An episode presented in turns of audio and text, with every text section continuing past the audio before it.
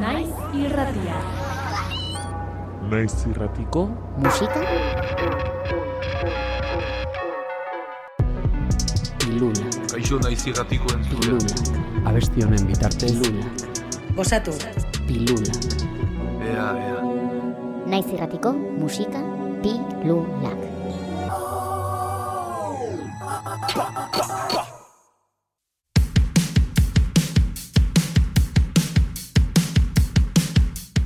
Kaixo, espalak taldeko eniaut naiz eta gure disko berria kolpatu topatu aurkestera nator.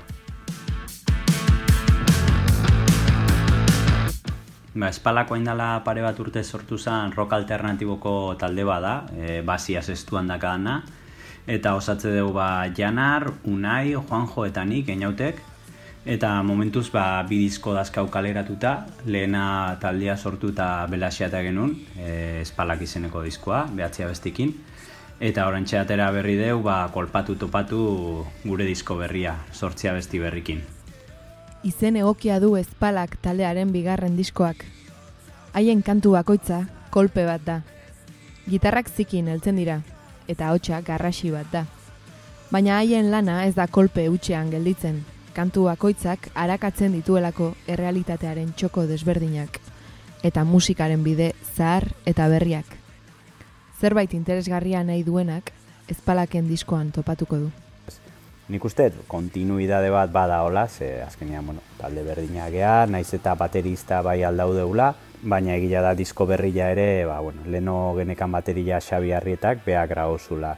Eta, bueno, diskoa grauta gero, ba, azkenean janar sartu zen taldian. Baina, bueno, badaka larogeita marra markadako influentzi hori, ez, lehen disko hortan oso palpablia zana, Baina bigarren disko hontan evoluzio bat bai dago, ba, ekoizpen aldetikan pixka zaiatu gea, bueno, e, aktualizatzen, ez? Gehio ezautze gure artian, taldekideak, gehio ezautze dugu bakoitzak zen nahi duen, kontzertua joen itun, orduan bakoitzak ikusi dugu nola defendeitze ditugun gure bestia zuzenian, ez?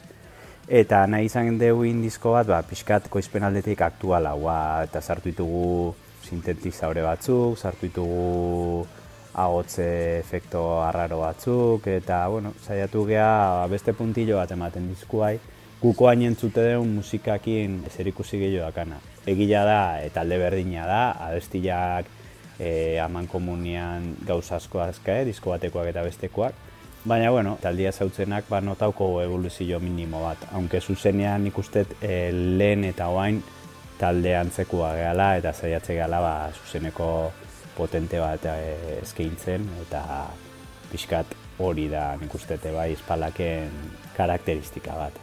agresibitatearen eta kolpearen ertzak marrazten ditu ezpalakek bigarren disko honetan. Haien kantuak entzunda, nork bere barruan daukan alde bortitza azaleratu egiten da, baina gauzak suntsitzeko baino, gauzak topatzeko gogoarekin. Zortzi kantu indartsu hauekin, katarsira heldu liteke edonor.